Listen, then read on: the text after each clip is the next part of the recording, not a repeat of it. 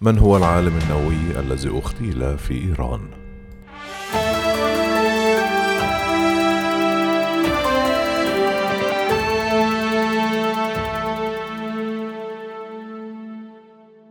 أحيطت شخصية العالم محسن فخري زادة الذي اغتيل الجمعة بسرية تامة وذلك رغم دوره المؤثر في برنامج إيران النووي إذ كان ظهوره الإعلامي معدوما. ونادرا ما اعترفت به وسائل الإعلام الحكومية الإيرانية بكونه مجرد أستاذ جامعي. ورغم الجهود التي بذلتها الحكومة الإيرانية لإبقاء اسم زاد مجهولا إلا أن أجهزة استخبارات بعض الدول كشفته وصنفته باعتباره أحد أعمدة هرم برنامج إيران النووي السري. وأشار تقرير لصحيفة واشنطن بوست الأمريكية إلى تخفيف طهران خلال السنوات الأخيرة. القيود التي كانت تفرضها على زادة حيث ظهر في فعاليات رسمية مع المرشد الإيراني علي خامئني الأمر الذي قد يكون سرع من سقوطه واغتياله في النهاية.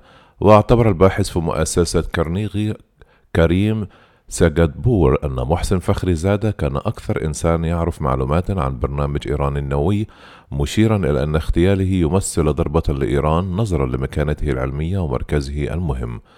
من جانبه قارن الخبير في شؤون الشرق الأوسط في معهد واشنطن لسياسة الشرق الأدنى. سايمون هاندرسون بين أهمية اغتيال زادة والقائد في الحرس الثوري الإيراني قاسم سليماني ببغداد مطلع هذا العام قائلا كان الاثنان يتمتعان بذات المكانة والأهمية داخل إيران رغم لعبهما دوران مختلفين.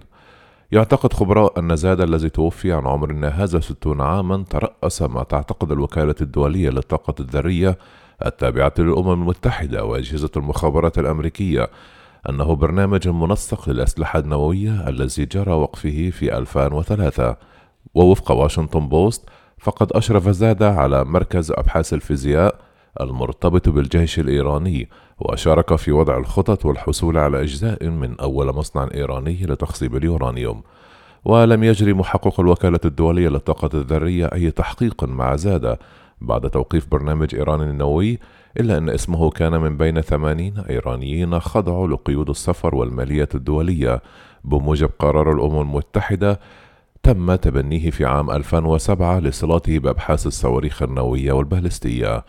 وبعد توقيف البرنامج الإيراني وصل زاد وصل زاد الإشراف على المنظمات المتصلة بأنشطة إيران النووية والتي استمرت في توظيف العديد من العلماء حيث ذكر تقرير صدر في يونيو عام 2020 عن وزارة الخارجية الأمريكية أن العاملين السابقين في برنامج الأسلحة النووية ظلوا يعملون في مشاريع ذات أنشطة تقنية متعلقة بالتسليح تحت قيادة ذات في إطار ما يسمى بخطة أماد ووصف تقرير الوكالة الدولية للطاقة الذرية في عام 2011 زاد بأنه المدير التنفيذي لخطة أماد التي عملت على إعطاء بعد عسكري للبرامج النووية الإيرانية وشخصية محورية في أنشطة إيرانية مشتبه بأنها تسعى لتطوير التكنولوجيا ومهارات مطلوبة لصنع قنابل نووية.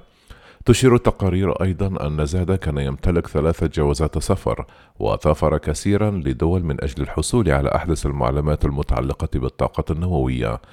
كانت وزارة الدفاع الإيرانية قد أكدت الجمعة مقتل زادة بعد وقت وجيز من استهدافه قرب العاصمة طهران وقالت وزارة الدفاع الإيرانية في بيان أورده الموقع الإلكتروني للتلفزيون الرسمي أن زاد الذي تولى رئاسة منظمة البحث والتطوير التابعة لها أصيب بجروح خطيرة بعد استهداف سيارته من قبل المهاجمين واشتباكهم مع مرافقيه مشيرة إلى أنه توفي في المستشفى بعدما حاول الفريق الطبي إنعاشه.